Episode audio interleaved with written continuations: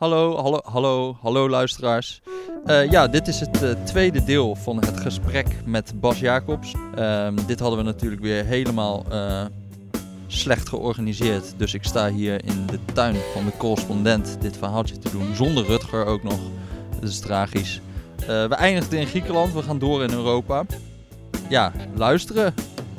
Ja. Heb je, daar ben ik nog benieuwd naar. Heb je een idee dat er ook een verschil is tussen, laten we zeggen, de academische economen, die uh, volgens jou echt een consensus hebben op dit ja, gebied, en de publiekseconomen, die bijvoorbeeld bij DWDD aanschuiven? Want in de media willen ze graag een debatje hebben natuurlijk. Dan willen ze iemand die zegt voor bezuinigen, iemand tegen bezuinigen. Heb je het idee dat media ook een volkomen verkeerd beeld zou uh, geven van wat de wetenschappelijke consensus is? En de suggestie werken, bijvoorbeeld ook met, zoals dat ook bij klimaatverandering gebeurt, dat er nog discussie is of zo? Uh, je zegt een paar dingen. Uh, het eerste is dat ik, als ik zeg dat ongeveer 70% van de economen het erover eens is dat bezuinigen in een recessie, dat is denk ik een, een schatting ook gebaseerd op wat, uh, wat uh, in, in panels over wordt economen gevraagd naar mm -hmm. uh, wat, wat, wat, er, wat de consequenties zijn van, mm -hmm. van bezuinigingen. Dat, daar baseer ik me op. de Chicago Boot School die heeft bijvoorbeeld zo'n panel. Ehm, maar hoe dan ook, er is nog altijd een substantieel deel van de economen die, die het er niet mee eens is. Hoe kan dat dan? Wat, uh, nee, maar gewoon, je, je, nou, gewoon die, die waarderen bijvoorbeeld. Dus het grootste deel van de, de, de Duitsers die zeggen dat de intrinsieke waarde van het hebben van begrotingsregels uh, is groter dan welke vorm van economische schade dan ook die je Maar misschien is het ook nog wel even, wat is, wat is precies het economische verhaal voor bezuinigen? Want waarom, nou, er, zou... er, waren, er waren eigenlijk twee, twee, twee theorieën, die van Reinhard en Rogoff, dat je als je meer dan 90% schuld hebt. Ja, maar dat is, dat is puur een empirisch gegeven. Hè? En dat ineens je, je groei uh, zou wegvallen. Nou, dat verhaal is volledig gedebunked. Ja. Uh, er was een ander verhaal van Alazina en Ardania, dat bezuinigingen zouden leiden tot uh, hernieuwd vertrouwen. Ja, Krugman, confidence die. Krugman noemt het, het, het vertrouwensprookje. En dat... En dat, uh, maar de, we hebben gewoon gezien, zelfs als je naar vertrouwensindicatoren kijkt. Er is een onderzoeker van de UvA, Roel Beetsma, die zich overigens op een andere manier meestal uitlaat in het bezuinigingsdebat dan zijn onderzoek suggereert. Mm-hmm. Maar die vindt dat uh, vertrouwen, zeker op de korte termijn, alleen maar omlaag gaat als je heel hard erin gaat met bezuinigingen. Mm-hmm. En dus dat. Uh, dus dat het niet zo, niet, niet, niet zo duidelijk is. Dus het verhaal was volgens wat, mij toch... Wat hier, en, en bovendien, de, de empirie vindt nog altijd dat bezuinigingen leiden tot krimp en wat nou uiteindelijk het mechanisme is, de, de, de theorie suggereren, vanwege vertrouwenseffecten zou je groei krijgen. Nou ja, de uiteindelijke uitkomst is, nee, we hebben krimp gezien. En meer krimp met meer bezuinigingen. Dus, dus die, die twee dingen, die werden gewoon met graagte aangehaald. Om... Het blijft zo'n mysterie voor mij. De meeste economen bijvoorbeeld weten we uit zo'n Mijuris-peiling stemmen D66. Nou, D66 was helemaal je bezuinigen. Ja, ik heb, ik heb dat nooit begrepen. Ik heb daar wel een politieke verklaring voor. Dat D66 die wilde zich natuurlijk jarenlang voordoen als het natuurlijk alternatief voor de VVD. Dus die hadden zichzelf uh, in de hoek geschilderd als het ging over het bezuinigingsbeleid. Als ze daar afstand van zouden doen, dan zouden ze die kant uh, niet meer uh, kunnen afdekken. En je ziet nu ook dat D66 heeft, uh, is veel meer naar de PvdA geschoven, ook met een verkiezingsprogramma. Hm. En, dat, uh, en je ziet ook dat daar de toon en ook de feitelijke doorrekening veel hm. minder, hard, uh, ja, veel minder hard is dan een jaar of wat geleden. Heeft het niet iets betekend ook voor de manier waarop je naar het maatschappelijk debat kijkt? Of naar hoe, weet ik veel, ideeën veranderen in de geschiedenis of zo? Dus je, je hebt heel erg het ideaal van, laten we zeggen, de wetenschapper die deelt de feiten mede en die hoopt dat volgens mensen hun mening veranderen. Ik vind dat een nobel ideaal. Mijn idee is, tenminste als ik de geschiedenis van de 20e eeuw ook bestudeer, is dat ideeën heel anders werken. Dus dat er, gewoon mensen, dat het, laten we zeggen, een wereldbeeld eerder een kasteel is. En dat als je daar op te gooien, begint te gooien met bakstenen, dat het eerste wat mensen doen is dat kasteel versterken. Dus ze maken een wereldbeeld alleen nog maar sterker. En als je nog harder begint te gooien, maakt het nog sterker. En dat alleen in een crisis uh, dat gewoon zo duidelijk wordt, gigantische cognitieve dissonantie, dat dan misschien het kasteel instort en ze misschien iets nieuws, nieuwe mening. Maar in ieder geval dat het hele beeld van dat we dat een wereldbeeld soort van blokkendoos is van feitje hier, feitje daar, we bouwen het zo op, dat dat in de praktijk niet klopt. Dus dat als je mensen van mening wil veranderen, dat je dan ook een andere strategie moet hanteren. Misschien meer activistisch moet worden, misschien meer nou ja, niet met, met, ik heb, met ik heb, Ik heb, er vaak over nagedacht uh, of ik dat moet doen of niet. Maar de, de, nogmaals, de verzet iets zich hevig in mij. Want de wetenschappen, zeker economen, liggen enorm onder vuur. En ik denk dat uh, activisme, de, de, je zou kunnen zeggen, de, de, ik bedoel, bedoel, het gaat een beetje in tegen allerlei verlichtingsidealen. Ja. En het is natuurlijk een heel verlicht idee dat je probeert fact-based policy te doen. Of zoveel mogelijk fact-based policy. En natuurlijk moet je eh, judgment calls doen, zeker in economie. Niet is alles hard, niet alles is hard te maken, maar het streven moet je niet opgeven. En ik denk dat, dat op het moment dat je het wel, wel eh, doet en dus heel activistisch wordt. Ik bedoel, je wordt ongetwijfeld populair in de media. Je wordt ongetwijfeld, als je er hard in gaat. Eh, maar ik weet niet of je dan op lange termijn eh, het vertrouwen in economen herstelt. Of in de wetenschap in zijn algemeenheid. Dus dat zie ik, zie ik als een, als een Dus je hebt niet de Ewald Engelenroute gekozen. Nee, nee ik, vind, ik vind het eigenlijk wel jammer. Dat, eh, ik, heb, ik, heb, ik heb sympathie voor Ewald. Gaat- Engelen is, eh, wat is hij? Financieel geograaf? Ja, gewoon. nu eh, voor bij de Partij voor ja. de Dieren. Als, als het gaat om zijn, eh, eh, om zijn eh, voortdurende kritiek, hij was ook een van die mensen die er maar op bleef hameren. Ja, Maar eh, dat, eh, dus bij hem is het onderscheid tussen maatschappelijk betrokken wetenschapper en, en, en ja, politicus eh, totaal vervaagd. En Mhm. dat, eh, ehm, ja. Nog, even, nog even terug, je, je had nog iets anders over de mensen die je in de media ziet. Ja. Dat zijn volgens mij wel andere mensen dan die op de universiteit werken. Ja. En wat ik zie in de media, met name de kranten, maar ook een beetje de televisie, is dat er toch, en dat is iets heel Nederlands, dat er toch een behoefte is, in tegenstelling tot het eh, opzoeken van, eh, van discussie, als het gaat over de macro-economische politiek. Ik zie de hele tijd mensen die toch heel erg vergelijkbaar denken over het macro-economische beleid. Eh, neem, eh, neem Matthijs Bouwman, neem Marieke Stellinga, Barbara Baarsma. eh, dat, het zijn niet mensen die hard erin gingen als het ging over kritiek op de gevoerde macro-economische politiek van deze overheid. En dus ik denk dat er eigenlijk te weinig alternatieve geluiden te horen waren geweest. In, en dat ook als je naar de kranten kijkt, alle zeg maar, eh, eh, weldenkende kranten in Nederland eh, hebben min of meer het beleid gelegitimeerd in plaats van be- bevraagd. mhm. Dat heeft mij zeer bevreemd. Dat, tot op de dag van vandaag zie ik de hele tijd in hoofdredactionele commentaar, of het nou van het FD, NRC of Volkskrant is, uiteindelijk expliciete ondersteuning van het door de regering gevoerde Mhm. beleid. En Moet niet je- het bevragen ervan. Is het nou zo'n goed idee geweest? Ze heb zijn je, er heb je allemaal niet van collega's overtuigd. gevraagd? Bijvoorbeeld collega's die het met jou eens zijn. Van, eh, joh, doe eens een mediatraining en schrijf ook eens aan. Ik bedoel, jij bent wel bespraakt, maar dat is natuurlijk ook het, het, het punt met de Marieke Stellinga's en, eh, en de Matthijs Bouwmans. Ik bedoel, die kunnen gewoon hapsnap even iets uitleggen. Dat is de reden waarom ze er altijd zitten. Ja, is, het, probleem niet met al die Keynesianen dat ze gewoon eh, Nee, nee. een beetje dus- stroef zijn? Het heeft niks met deze discussie te maken. Je ziet het in het algemeen. Dat hoeveel, hoe vaak ik nu journalisten, andere journalisten zie interviewen, dat vind ik echt een. Echt, echt een. eh, dit, is, dit is ook op de lange termijn niet goed Je voor de bedoelt- journalistiek. de Rudy en Freddy show. Ik ben geen journalist. Hè. Dat doe jij. Oké. Nee, maar, maar, maar bij, bij, bij, bij de praat of het nou Pauw is of eh, eh, Umberto Tan of Jinek of, eh, Ja. of eh, eh, eh, het journaal. De hele tijd zie je journalisten die andere journalisten bevragen. En dan wordt het een soort spiegelpaleis. Mhm. Want eh, ze, het is allemaal gescript. Iedereen weet van elkaar wat ze gaan zeggen. En eh, er wordt een werkelijkheid gecreëerd. En eh, natuurlijk is het zo dat academici minder, je zou kunnen zeggen, getraind en geoefend zijn. Mhm. In het goed kunnen uitleggen van hun opvattingen. Mhm. Maar ik vind wel dat het ook een taak is voor de journalistiek om misschien de mensen die wat minder glad overkomen, wel een podium te geven. Ja, En eh, Te helpen, ja. want En vind, dat, vind je eh, dat die genoeg kennis hebben vaak? Journalisten die jou bellen of dat... eh, nou, wat, wat ik net al zei, op het moment dat de, de economie van de liquiditeitsval niet bekend is bij onze belangrijkste beleidsmakers, dan kan- mag ik niet veronderstellen dat het bekend is bij journalisten. mhm. Terwijl het wel essentieel is geweest om de macro-economische situatie te begrijpen. En, eh, en ik zie ook bij journalisten dat het eh, onder hevige druk op de mainstream media eh, moeilijk is om lang en uitvoerig en diep onderzoek te doen. Want veel advertentieinkomsten lopen weg. Eh, er zijn natuurlijk ook concurrerende platforms. De, concurrent, de, de, de, de, concurrent, eh, de correspondent. En, eh, Mhm. en, dat, en dat zorgt ervoor dat, dat zij ook minder tijd en energie kunnen steken aan het echt goed rondkrijgen van een verhaal. En, en wat ook een probleem is, denk ik, dat steeds minder journalisten een economieachtergrond hebben. Dat, Ja, zeker. en dat. nee, nee, nee, maar. Ik bedo- bedoel dit niet eh, eh, in desavouerende zin. Maar het is wel als je complexe economische vragen hebt. en je moet daar een verhaal over maken. dan is dat ingewikkelder als je daar, je daar nog nooit in hebt verdiept. Wat ik toch ook wel een beetje heb is. ehm, neem iemand als Jesse bijvoorbeeld, hè? Ik, Jesse- heb, ik heb grote bewondering Ja, voor ja. Jesse. Hè? Maar Dat, laten we eh, eerlijk zijn, Jesse heeft de haven afgerond. hoor. En, en heeft, vervolgens heeft hij jarenlang World of Warcraft gespeeld. En toen dacht hij, ik ga even de economie induiken. En gewoon iedere twee, drie weken komt hij met een inzicht dat ik denk, holy fuck.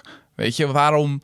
eh, waarom, en dan legt hij, belt hij met CBS en dan zegt CBS: Oh ja, ja, dat wisten we eigenlijk ook niet. Ja, de ongelijkheid is eigenlijk veel groter in Nederland dan gedacht. Oh ja, ja, het CPB eh, neemt aan dat mensen die gewoon eh, werk willen automatisch krijgen. Weet je, allemaal van die dingen dat, nou goed, mijn oren beginnen te flapperen. Ik ben bijna aan het opstijgen, zeg maar. Die is onze gegeestavist. Komt hij dan achter, zeg maar. Ik heb dan ook wel zoiets van. Zit, zitten bijvoorbeeld in onze definities, eh, onze rekenmeesters of cijferverzamelaars bij het CBS, zo dichtgetikt dat blijkbaar een outsider die even de tijd heeft om ergens in te duiken, dat zo makkelijk open kan gooien. Ik vind ongelijkheid debat het mooiste voorbeeld. Echt, het CBS zit gewoon iedere week te twitteren. Ongelijkheid valt mee in Nederland. Ongelijkheid niks aan de hand, et cetera. Nou, vervolgens ga je naar die data kijken. Blijkt dat superveel niet meenemen. Blijkt dat ze eigenlijk geen flauw benul waar ze het over hebben. Ja, ik, ik heb dan ook wel zoiets van... ehm, wel logisch dat mensen dan wat minder vertrouwen gaan hebben in Zeker. de experts. Nee, maar, maar het is ook goed dat, dat Jesse dit soort stukken schrijft en dat blijft bevragen. En, maar ik vind dat het bevragen eh, veel belangrijker is dan legitimeren. Mhm. Dus, dus, dat, dus mijn pleidooi van pers moet bevragen, niet legitimeren, sluit helemaal hierbij aan. Mhm. Dus eh, wees kritisch. En, eh, maar maar wat, wat ik merk is de hele tijd het weten hoe het zit, dat is één vraag. En wat, ik meestal, wat mij meestal wordt gevraagd is, wat moeten we doen? Ja, ja. En we, stappen die, we slaan die eerste stap. Hoe het zit het nou eigenlijk? Stap, eh, slaan we eigenlijk over. Oh, dat is en, wel, ja. ja, ja, en, ja. en, en daar zit je natuurlijk heel erg op te, te vroeten en eh, vragen te stellen. Want, eh, en daar is op een of andere manier toch minder belangstelling voor. Men- Dus ze zijn me- meer geïnteresseerd in je mening dan in je redenering. Ja. ja dat, is wel, dat is wel raar eigenlijk. Hè? Maar ja. Ja, we- we- we- willen we nog over andere dingen hebben? Oh ja, je had het nog over globalisering. Euro, globalisering. We moeten de hele wereld eh, nog bespreken. Nou, wat, wat, ik, wat ik merk is dat eh, ik heb daar, eh, je zou kunnen zeggen, allerlei persoonlijke opvattingen over. Die, die zou je als eh, zeer cosmopolitisch en vrijzinnig liberaal kunnen omschrijven. Maar eh, ik zie ook dat eh, globalisering allerlei economische effecten heeft. Waar ik denk dat eh, zeg maar veel mensen, je zou kunnen zeggen, economen, maar ook politici, een beetje in die derde weghoek eh, eh, gebagatelliseerd hebben. Dus bijvoorbeeld onderzoek dat aantoont Mhm. dat importcompetitie uit China toch aanzienlijke effect- effecten heeft op arbeidsmarkten in Amerika. Bijvoorbeeld in de Rust Belt, dat daar lonen omlaag gaan en werkgelegenheid vermindert. Of eh, dat je ziet dat. eh, nou, dat hele spel wat multinationals spelen met eh, eh, belastingconstructies, allemaal legaal, maar toch dat die overheden met elkaar in een race lijken te zijn verwikkeld om het multinationals maar naar de zin te maken met lage belastingen. Deze week nog eh, in het nieuws Wiebes en Wekers en eh, Wijn, de drie W's, mhm. eh, die allemaal belastingconstructies niet hadden gemeld, of belastingafspraken niet hadden gemeld in, in Brussel. bij de Europese Commissie. Wat wel was beloofd in de aanpak rond de eh, winstverschuiving en, en, en grondslagerosie. Dat, dat is. ehm, dat is typisch, vind ik. En dat, eh, Dus even, wat hadden ze beloofd? nou, gewoon belastingafspraken die de Nederlandse Belastingdienst maakt met multinationale ondernemingen over de belasting Ja. die ze betalen, moeten lagere worden gemeld. En dat is niet gedaan. Ja. Dus er werd niet gedeeld met andere boefjes. landen wat ze deden. Ja, nou goed, CDA maar, weer, hè? dat, eh, Ja, maar ook de VVD. ja, en dat, ook, eh, ja. Maar goed, de, en, en de- Willem Vermeend. nou, die, die werd niet genoemd. De- Oké, en- nou, die noem ik dan bij deze. Maar, de, de, maar, maar het is een groter verhaal. Het is een groot, ook als het gaat over migratie, als het gaat over vrij verkeer van werknemers, eh, als het gaat over eh, binnen de Europese Unie. Mhm. Ik bedoel, take back control in Brexit. Ging heel erg over, we willen onze grenzen weer kunnen controleren. Wie er ons Mhm. land inkomt of niet. Mhm. En dat lukt niet met vrij verkeer van werknemers. Ehm, als het gaat over die, die opkomsten van het populisme wereldwijd. Eh, ook de, de, de, de organisatie van de financiële sector. Nu we uit de grote recessie zijn gekomen. Dus je ziet, nou ja, hoe ver zijn we daar nu bij? Nou, je kan zeggen, het glas is half vol. We hebben toezicht op Europees niveau georganiseerd. We hebben een soort van crisisresolutiemechanisme voor onze banken gemaakt. Maar het is nog niet helemaal vol. Er zijn nog allerlei dingen niet georganiseerd. Zoals, eh, wat gaan we nou doen als er een bank in de problemen komt? Gaan we, hebben we daar een voldoende geld en achtervang achter zitten? Of hebben we een Europees depositogarantiestelsel? Hebben we niet. Dus kan dat werken? Daar kan je vragen bij hebben. En Dus je bent een beetje meer van de school Robert Wendt geworden, de economie. nou, het, het, het globaliseringstrilemma van Roderick, dat heb ik wel zeer indringend nu op mijn netvlies staan. Even kijken, en- wat het dilemma is. Je kan kiezen tussen Dus de eh, nazistaat- democratie, Ja, soevereiniteit, de nazistaat en globalisering. En je moet er twee kiezen. En je En kan ze niet alle drie af. tegelijk. ja. En, als je nu nu moet kiezen, waar ga je dan voor? Nou, eh, het punt is dus, ik geloof, ik, ik, ik zou nog steeds zijn voor het eh, organiseren van politieke instituties op supranationaal niveau. Als het gaat om belastingheffing van multinationals. Ja, als het ja. gaat om klimaat. Dat moet gewoon. Als het ja. gaat om eh, migratie. Als het gaat om ook die, die, die, die stroom asielzoekers die, die er is uit de rest van de wereld. Als het gaat om vrij verkeer van werknemers. Daar heb je afspraken over nodig. En dat kan je alleen maar op Europees niveau doen, denk ik. Maar als het gaat nu over dingen als. eh, en ook het stoppen van die belastingconcurrentie en dat soort dingen. Dan moet, je, dan moet je iets doen op supranationaal niveau. Maar je moet wel iets doen met de zorgen die mensen hebben.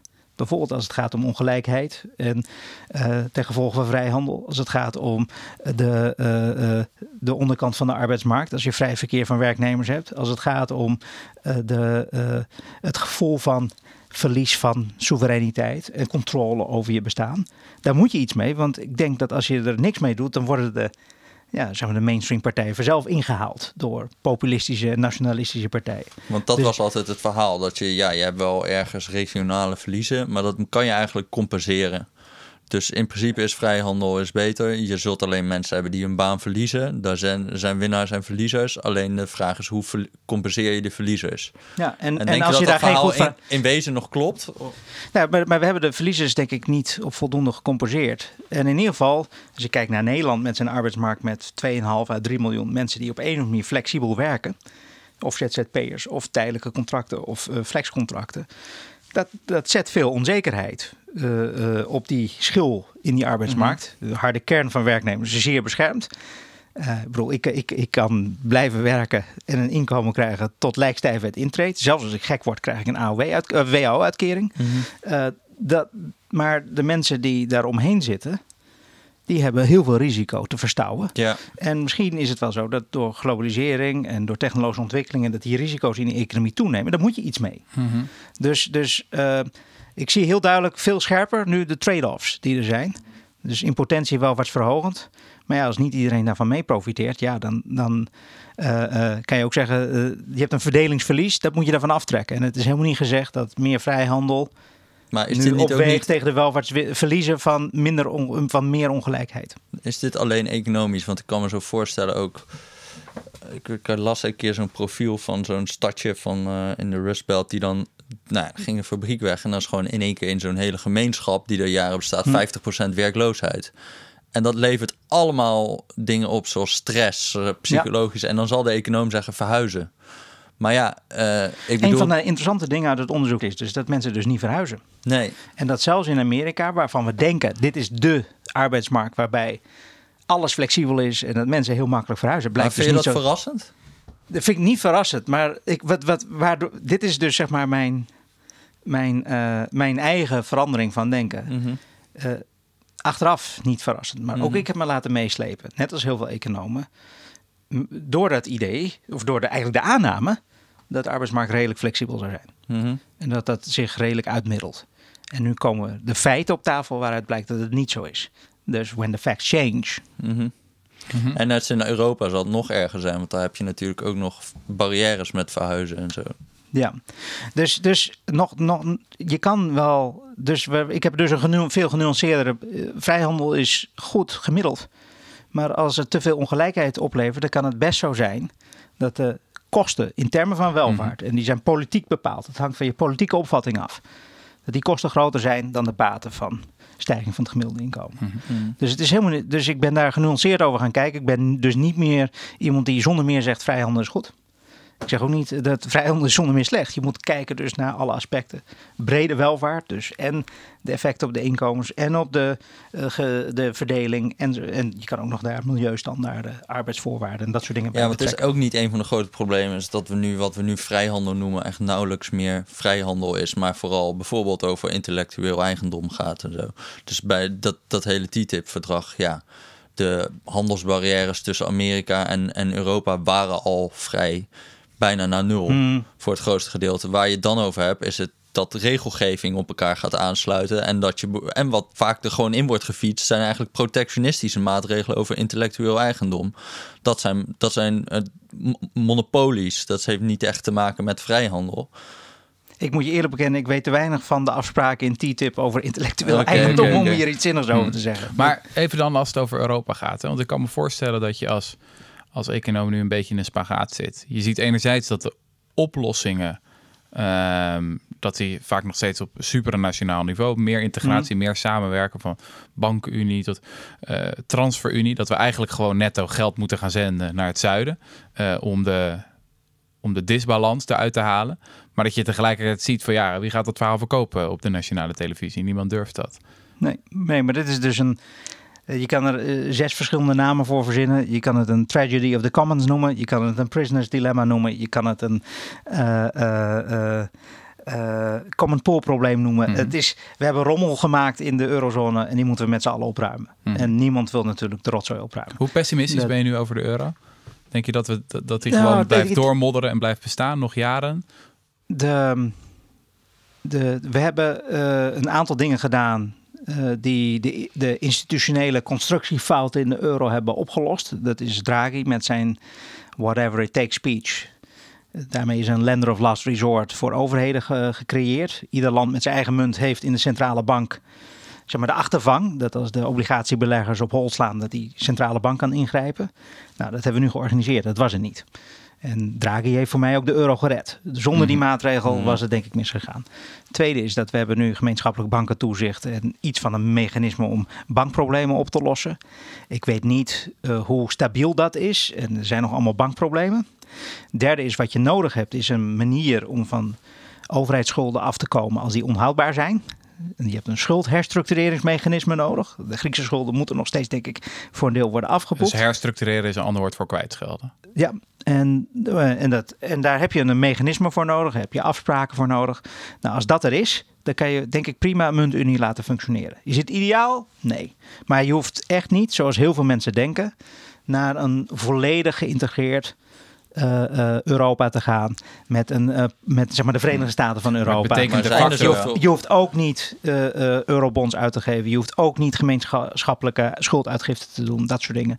Want dat is niet nodig om die muntunie te laten functioneren. Zijn daar historische voorbeelden van, van muntunies die zo hebben gefunctioneerd? Nou, de Verenigde Staten van Amerika functioneert ja, Die hebben, toch wel op, die hebben toch wel een federale overheid die ongeveer een factor 10 groter is dan in uh, Europa. Zeker. De, hier zit een diep debat onder over of de euro of de Verenigde Staten een optimaal valutagebied is. En het achterliggende idee is dat als je gebrekkige arbeidsmobiliteit hebt en rigide markten, dan heb je een transfermechanisme nodig op, op zeg maar het niveau van de federatie. Ja, dus de rijke Amerikaanse staten zenden geld naar de arme Amerikaanse staten. Waar, waar, ik denk dat dat, dat, dat, dat, dat helpt om een muntunie stabieler te maken. Maar voor mij is het geen noodzakelijke voorwaarde. Voor mij is een noodzakelijke voorwaarde is een bankenunie. Uh, je hebt een mechanisme nodig om van overheidsschulden af te komen. En daarmee ook niet direct een financiële crash te veroorzaken in je, in je Europese uh, financiële stelsel. Dus als Californië failliet gaat, dan leidt dat niet tot een schokgolf in het Amerikaanse financiële stelsel. Mm nou, dat moet je ook hebben in Europa. Mm -hmm. En uh, wat je ook nodig hebt is dus uh, een mechanisme als banken in de problemen komen. Dat je dat op zeg maar Europa-wijd niveau op een goede manier kan oplossen. Nou kan het prima functioneren wat mij betreft. Hm. Maar dus het zou nog beter functioneren als je inderdaad meer budgetten hebt op Europees niveau. Ja, want Als je wat meer mobiliteit zou hebben enzovoort. Maar dat is voor mij niet noodzakelijk. Hm. Nou, een fundamenteel probleem is toch ook dat al die zuidelijke landen, nou ja, dus nu wat minder, maar dat die handelstekorten bij hun gewoon enorm waren. En bij hadden de overschotten, zeg maar. En als je dan geen mechanisme hebt om dat geld te recyclen of te, om, om, om, om daar iets van te uh, verzinnen van hoe je, dat, hoe je dat gaat oplossen, dan lopen gewoon de schulden op in uh, al die Zuid-Europese landen.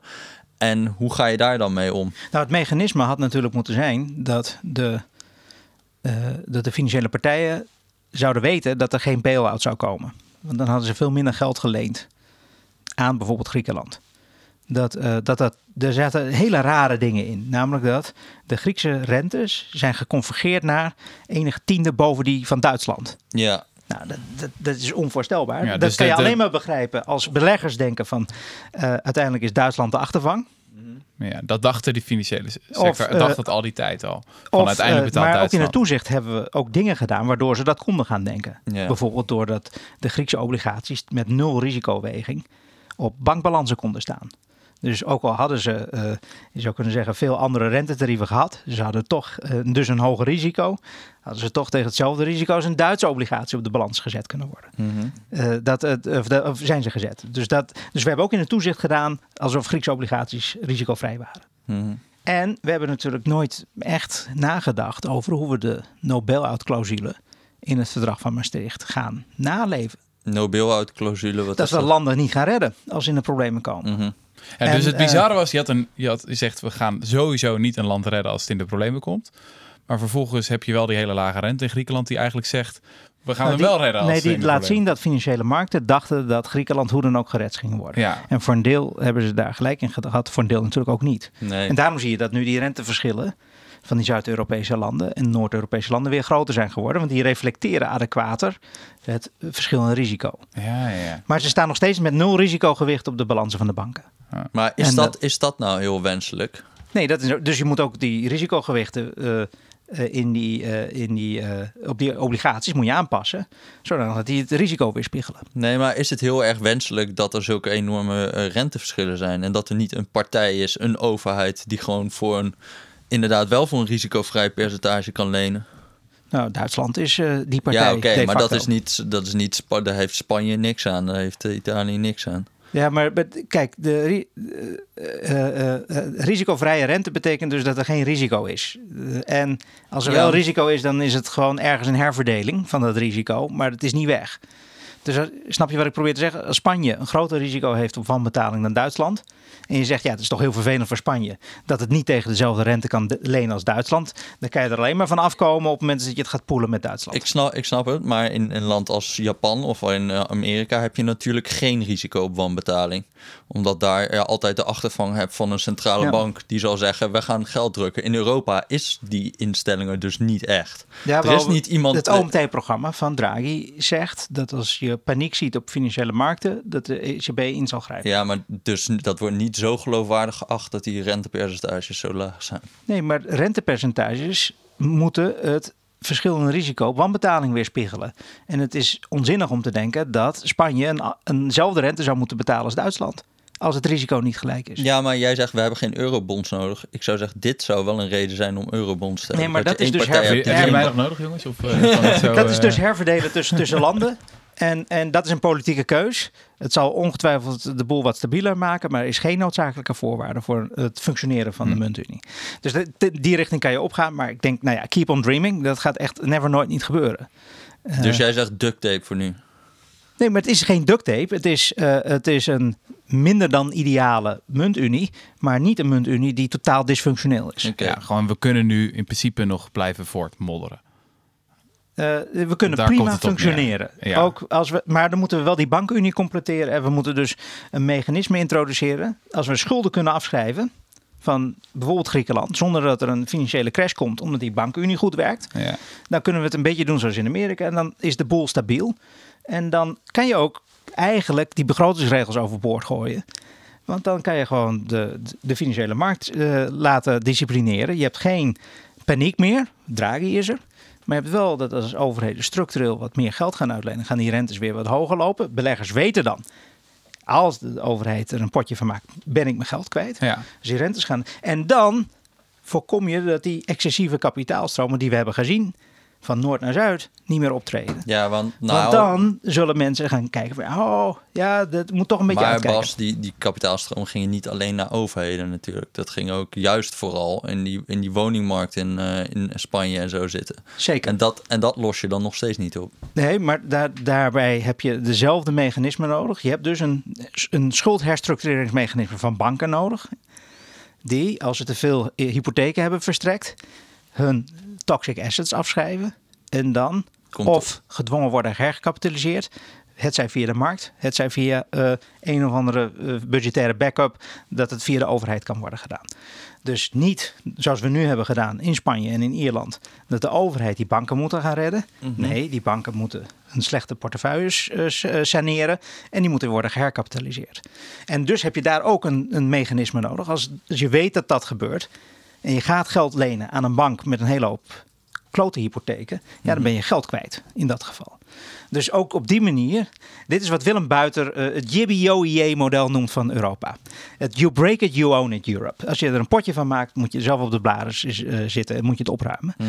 Maar je probeert wel voldoende mechanismen in te bouwen om van onhoudbare schulden, het zij bij overheden, het zij bij banken af te komen.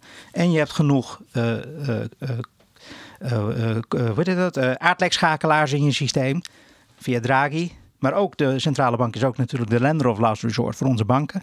Om te voorkomen dat er grootschalige paniek uitbreekt. En dan Ja. kan het functioneren. Maar is het dan nog niet nog wel heel optimistisch over dat we dan niet alsnog als overheid moeten ingrijpen? Omdat als het echt, als het echt fout gaat, dan zal Ja, maar- natuurlijk maar dan komen niemand uiteindelijk zeggen van laten te- maar in nou, Ik ben het met je eens dat eh, nog steeds eh, je, eh, zijn we veel te optimistisch dat we nooit meer banken gaan redden. En dat heeft ermee te maken dat we erg gokken op regelgeving. Dat we denken dat we de bank een beetje insnoeren. eh, dat we het risicozoekend gedrag van banken proberen te begrenzen. Maar niet de banken veel meer eigen vermogen laten aanhouden.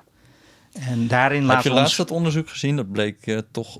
Want dat vond ik wel interessant. Daar zou ik je ook nog wel naar willen vragen. Maar er was nu zo'n heel groot onderzoek in NBER, geloof ik. Mhm. Over, over het effect van meer eigen vermogen aanhouden bij banken. En dat bleek dus eigenlijk helemaal geen effect te hebben op, eh, op eh, financiële crisis. zou ik willen lezen. Eh, ik Oké, heb het oké. onderzoek niet gezien. Hm. Dat, eh, ik zou, zou dat heel interessant vinden. Ja, ik zit even te denken of ik dit kan samenvatten, maar eh eens even koekeloeren. Eh, Ja, het ging, ging dus over Europa. ja. Dat, eh, en eh, kan het werken? Ja. En wat mijn grootste zorg is dat als je niet de, je zou kunnen zeggen, de economische onderstromen die je ziet bij al die populistische sentimenten, als je die niet adresseert, ongelijkheid, onzekerheid, eh, dingen die te maken hebben met dat mensen ook hun vertrouwen in overheden verliezen op het moment dat multinationals eh, eh, blijkbaar geen belasting hoeven te betalen, dat er allerlei constructies mogelijk zijn, allemaal legaal, maar dat je daar niks aan doet, dat er gevolgen zijn van migratie die je moet adresseren, ook van het vrij verkeer van, van werknemers.